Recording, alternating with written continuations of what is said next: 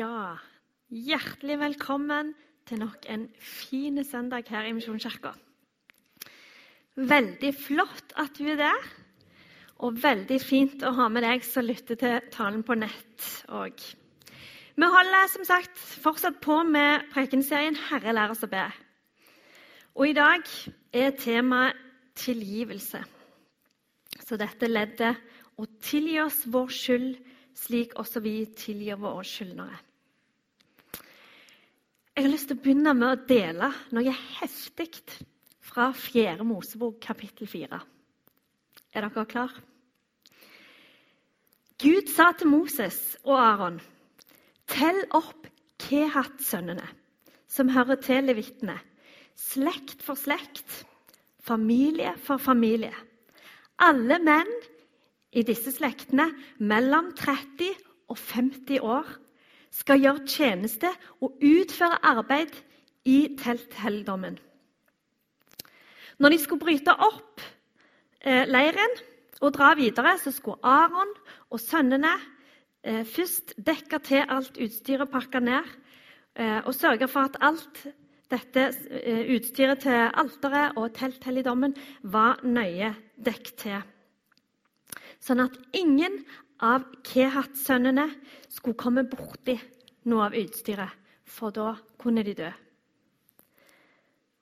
Og i tillegg så presiserer Gud at Kerat-sønnene må ikke så mye som et øyeblikk gå inn og få se det hellige, for da skal de dø. Så hvorfor sier jeg dette? Jo, fordi at når vi leser om hvor komplisert, hvor nøye man måtte være når man håndterte telthelligdommen, så understreker det problemet. Gud er så hellig at bare det å komme borti det hellige som hørte til telthelligdommen, eller bare det å få et glimt av det aller helligste, gjorde at mennesker med synd måtte dø. De kunne ikke være der. Det er kun ypperste presten en gang i året, på forsoningsdagen Jom Kibur, som kunne gå inn til det aller helligste. Og da med et enormt regime som måtte gjennomføres utrolig nøyaktig for at ikke han òg skulle, skulle dø i møte med den hellige Gud. Gud tåler ikke synd. Og hadde han gjort det, så hadde han ikke vært rettferdig. Tenk hvis Gud begynte å se mellom fingrene på synd da ville all hans rettferd ramle sammen. I stedet for så gjennomførte han frelsesplanen som gjorde at vi skulle få lov å bli frelst en gang for alle. Sånn at vi kunne få denne tilgivelsen og frelsen i Jesu navn. Så får vi gjennom denne troen, denne frelsen, denne tilgivelsen, så får vi lov, og så får vi lov å dure rett inn i det aller helligste. Og få kalle Gud den hellige for vår far. Vi får lov å være med han. Og uansett hvordan vi har levd, hva vi har gjort, så er det tilgivelse i Jesu navn. Istedenfor å bringe fram et lam og, og ofre det, sånn som ypperstepresten måtte gjøre på forsoningsdagen, så ble Jesus lammet for oss, som ble ofra for min og din skyld. Jeg vet ikke hvordan det er med deg, men jeg har en god del episoder og personlige tilbøyelser som ikke jeg er spesielt stolt av. Forrige uke var jeg på teologistudiet i Oslo. og Der hadde vi om kultur- og samfunnsanalyse.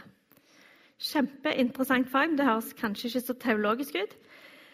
Men han, læreren min da, som har doktorgrad i praktisk teologi, han sa midt inni denne timen en setning. Han sa det er så utrolig viktig at vi tilber Gud.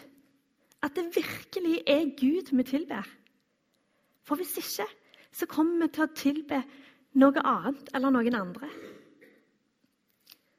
Og dette satte seg bare mer og mer i magen på meg. Og jeg kjente hvordan det utsagnet hadde, talte til meg. For jeg er selvkritisk, og jeg kan være kritisk til andre. Og jeg kan hige etter anerkjennelse hos alle andre enn hos Gud sjøl. Dette er noen av mine tilbøyeligheter. Og Jeg opplevde der og da at Gud viste meg dette som synd i mitt liv. Som jeg trengte tilgivelse for. Og jeg kjente at Gud ville at jeg skulle bekjenne det for staben. Så det gjorde jeg. Og jeg kjente at der og da, når jeg hadde gjort det, så var det noe som letta fra skuldrene mine. Jeg opplevde en enorm frihetsfølelse. For sånn at jeg nesten tenkte at hvis, okay, hvis, det er dette som er å bekjenne synd, så kunne jeg nesten ropt det ut. Det var bare så utrolig, ufattelig godt. Og jeg opplevde Guds nærvær på en helt ny måte. Og kjærlighet til mennesker fikk liksom en, en ny dimensjon igjen. Og det gode er at tilgivelsen har nemlig allerede funnet sted. Det Jesus gjorde da han begrava meg og deg med seg, når han reiste oss opp igjen med seg, gjør at når jeg ber om tilgivelse, så er han allerede min. Så er han allerede din. Så kan vi få lov å ta imot den, takke for han, og ikke minst få lov å gi han videre. Tilgivelse er så utrolig sentralt i evangeliet at vi kommer bare ingen vei utenom. I Lukas 5, vers 17 og utover så leser vi om noen menn som kommer til Jesus med en venn som er lam. Jesus var inne i et hus og underviste, og det var sjåkafullt både inne i huset og ut forbi. Men disse mennene som kommer med vennen sin på ei båre Utrolig fascinerende løsningsorienterte og fulle av tro når de begynner å ta vekk taksteinene og fire vennen sin ned foran Jesus. Og Det står at Jesus så troen deres og sa, 'Venn, syndene dine er deg tilgitt.' Og så tenkte de skriftlærde og fariseerne at fy søren, denne mannen spotter Gud. For det er kun Gud som kan tilgi synd. Men Jesus merka tankene deres og svarte. Hva slags tanker er det dere går med i hjertet? Hva er lettest å si? Syndene dine er deg tilgitt. Eller stå opp og gå. Men for at dere skal vite at menneskesønnen har makt til å tilgi synd Og så venter han seg til den lamme. Så sier jeg deg, stå opp Ta båren din og gå hjem. Og mannen reiste seg og gikk. Hvis vi tenker på det som var det vanlige på den tida, så er det Jesus sier her, helt utenkelig. For det var bare Gud som kunne tilgi synd.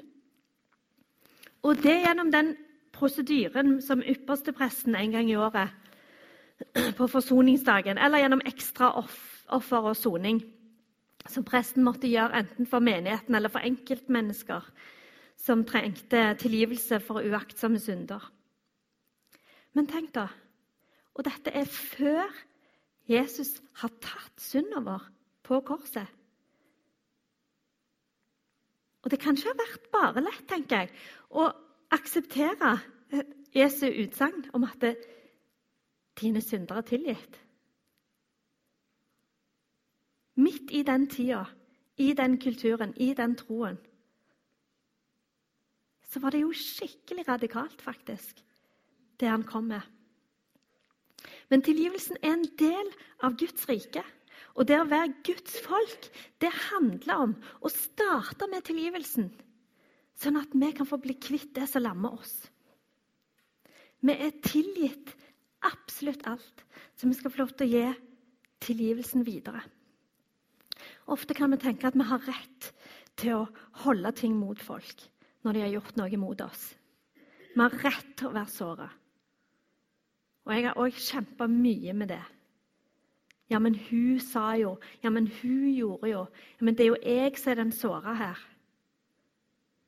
Og jeg vet at her finnes det alvorlige ting som det er utrolig vanskelig å kreve tilgivelse inn i. Men hva gjør det med oss, dette, å gå og holde ting mot folk? Det er ikke alltid lett å tilgi. Men hvis vi ser på dette leddet i Fader vår, så står det jo egentlig at vi skal be Gud om å tilgi oss i samme grad som vi tilgir andre. Det er enormt utfordrende. Det er knallharde ord, egentlig. Men jeg tror faktisk at til og med dette er sagt i kjærlighet til oss. For et hjerte som ikke kan tilgi, har lett for å slippe hat inn, bitterhet.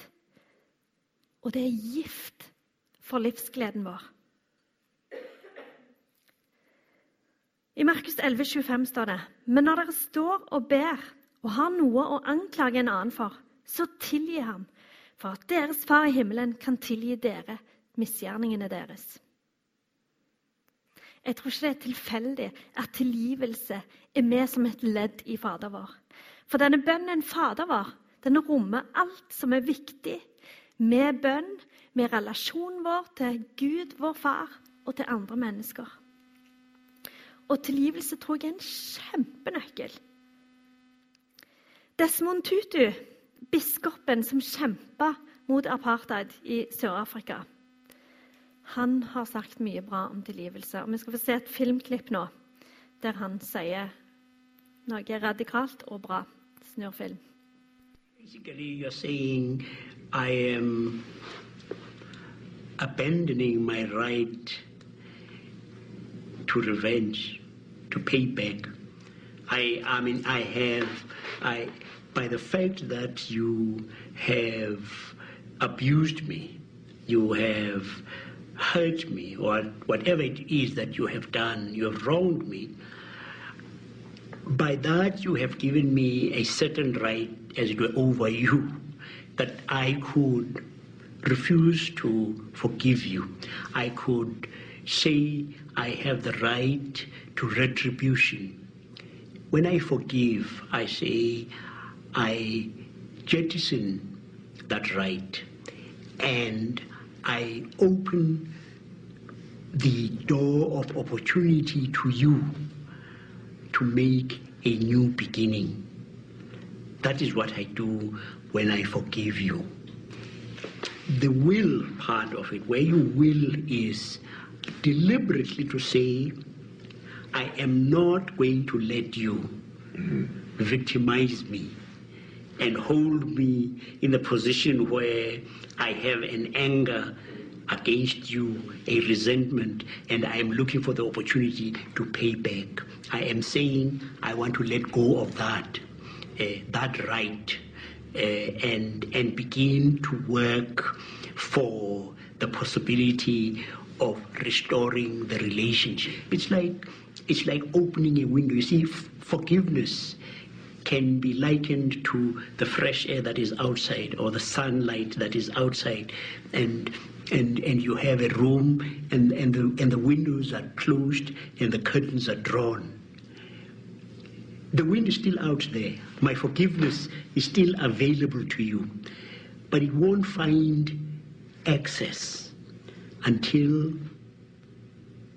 you open the window and the light streams in. As a Christian, you, you have to say, are there things that are unforgivable? I'm afraid we follow a Lord and Master who, at the point when they are crucifying him in the most painful way, can say, pray for their forgiveness. And we follow the one who says, forgive one another as God in Christ forgave you. That is for us the paradigm. We may not always reach to that ideal, but that is the standard. Dette er radikalt. Og han avslutter hverandre'. Sånn som far har tilgitt dere. Det er en enorm kraft i tilgivelsen.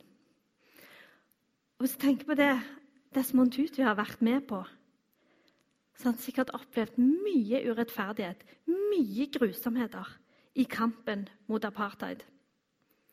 Så han vet jo òg at tilgivelse er ikke lett. Og det føles ikke alltid godt, som han sier. Men ved å ikke tilgi, så forblir vi i en sånn offerrolle. Så blir vi bundet i en sånn offerrolle som han snakker om. Så sitter vi der med en makt til å holde tilbake tilgivelsen. Og det å ikke tilgi gir rom for sinne og bitterhet.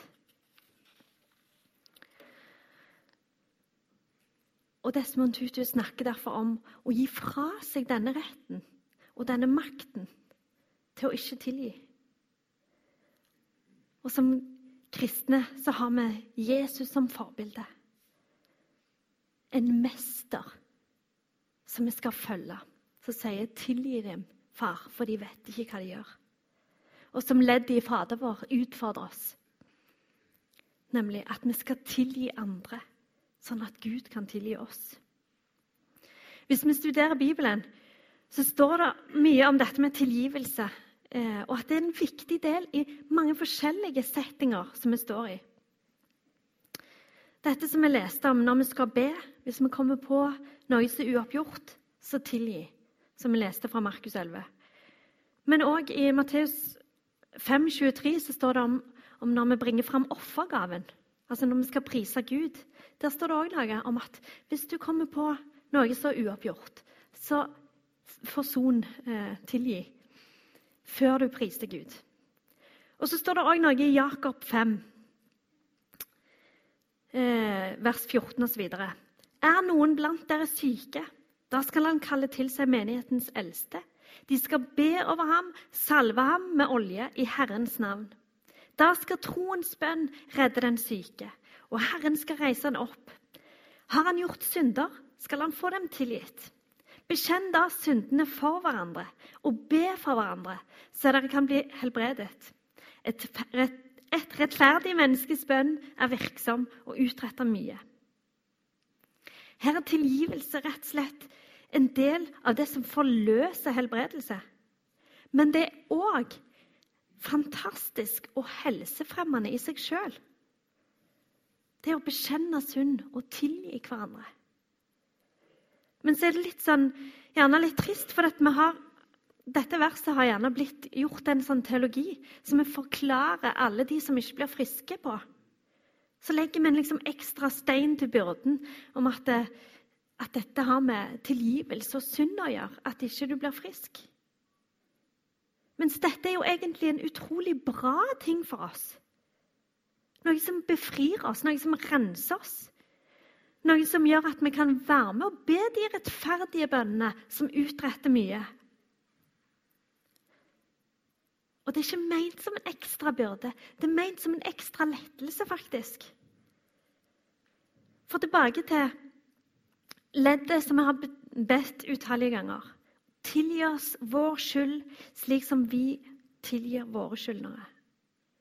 Hvis vi ønsker å bli tilgitt og bli rettferdiggjort, så må vi ikke stoppe med den lettelsen, den friheten vi føler med at Gud har tilgitt oss, og at andre har tilgitt oss. Men Vi må be Gud om å hjelpe oss til å tilgi eh, de vi holder noe opp mot. For vi ber om at Gud skal tilgi oss i samme grad som vi tilgir andre. Og det er faktisk steintøft. Men jeg tror det er noe godt med å frasi seg den retten til å gjøre hevn. Gi slipp på de sakene som vi tviholder på. La Gud få ta det istedenfor. Det er rett og slett et for stort ansvar for oss å gå og bære på. Vi blir syke av det, vi blir bitre av det, vi blir ødelagt av det. Og tror Jesus lærer oss denne bønnen bl.a. for at vi skal få bli bevisst på hvor strevsomt, hvor vondt det er å gå rundt og bære nag. Jesus vet nemlig hva frihet som er tilgjengelig for oss når vi får slippe det. Og Gud er mer enn villig til å hjelpe oss i dette leddet, enten du har opplevd alvorlige ting her, eller mindre alvorlige ting. Og Gud har det som skal til for å hjelpe deg gjennom denne prosessen, ut i en helt ny frihet. Jeg hørte et sitat her tidligere i uka av Karsten Isaksen som jeg synes var bare helt fantastisk. At evangeliet er en kjærlighet som har ryggmarg av tilgivelse. Det er en kjærlighet som har ryggmarg av tilgivelse. Vi skal gå mot en avslutning, men først Den bortkomne sønnen, denne lignelsen, som egentlig like gjerne kunne hett den springende eller løpende faren. Som handler om han sønnen som ville ha sin del av arven, som sløste vekk alt. Og som gjorde stor skam på faren sin. Prøv å tenke på det, denne lignelsen òg, ut ifra den Jesus sin tid, sin kultur, sin forståelse av Gud. Og han gjorde virkelig skam på sin far med å sløse vekk alt dette. Men så innså han hva han hadde gjort, og så tenker han at han i hvert fall kan ta sjansen på å vende tilbake og kanskje få bli en tjener hos faren sin. For han tenker at tjenerne hjemme har det i hvert fall bedre enn enn jeg har det med de ureine grisene rundt meg. Så begynte han reisen tilbake igjen. I håp om at faren ville la han få leve. I håp om at han kunne få lov å være en tjener.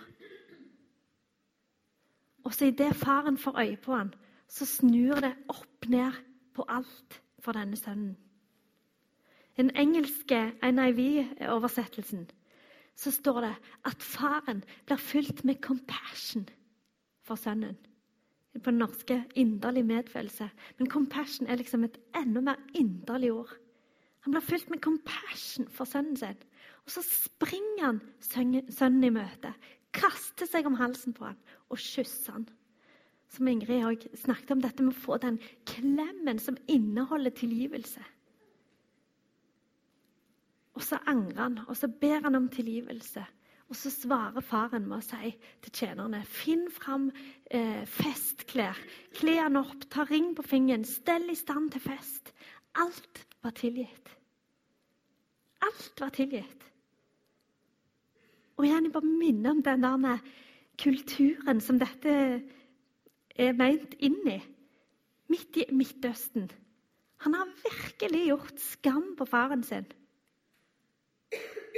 Og han er tilgitt alt, helt ufortjent. Og det er det som er vår status. Det er sånn Far i himmelen ser på oss. Vi er tilgitt absolutt alt. Og Derfor vil han at vi skal bringe denne holdningen, denne kjærligheten, videre. For så høyt har Gud elsket verden at han ga sin sønn den enbårne, for at hver den som tror på han, ikke skal gå fortapt, men ha evig liv. Dette er en kjærlighet med en ryggmarg av tilgivelse. Og når Gud har tilgitt oss alt, sånn som denne bortkomne sønnen, så skal vi få være tilgitte tilgivere. Tilgitte tilgivere. Kanskje er du her som har opplevd forferdelige ting som det er vanskelig å tilgi. Jeg har bare lyst til å si at Gud ser deg. Gud forstår deg utrolig godt. Men Gud er òg der med åpne armer. Han ønsker å gå sammen med deg gjennom dette. Og til oss andre så har jeg lyst til å utfordre. Hvem eller hva er det vi skal tilgi. Som vi blir minnet om, som vi trenger å tilgi. Som vi stadig går og bærer på nag som vi går og bærer på til andre, kanskje. Som vi ikke får fred for. Hva er det? Eller kanskje er det noe du sjøl trenger å be om tilgivelse for. Vi skal være litt stille, og så kan Den hellige ånd få virke, få tale til oss om dette. Jeg ber en bønn først. Himmelske Far. Takk for at du elsker oss med en evig kjærlighet. Takk for at vi er tilgitte. Jeg ber om at du skal komme og tale til oss, Herre.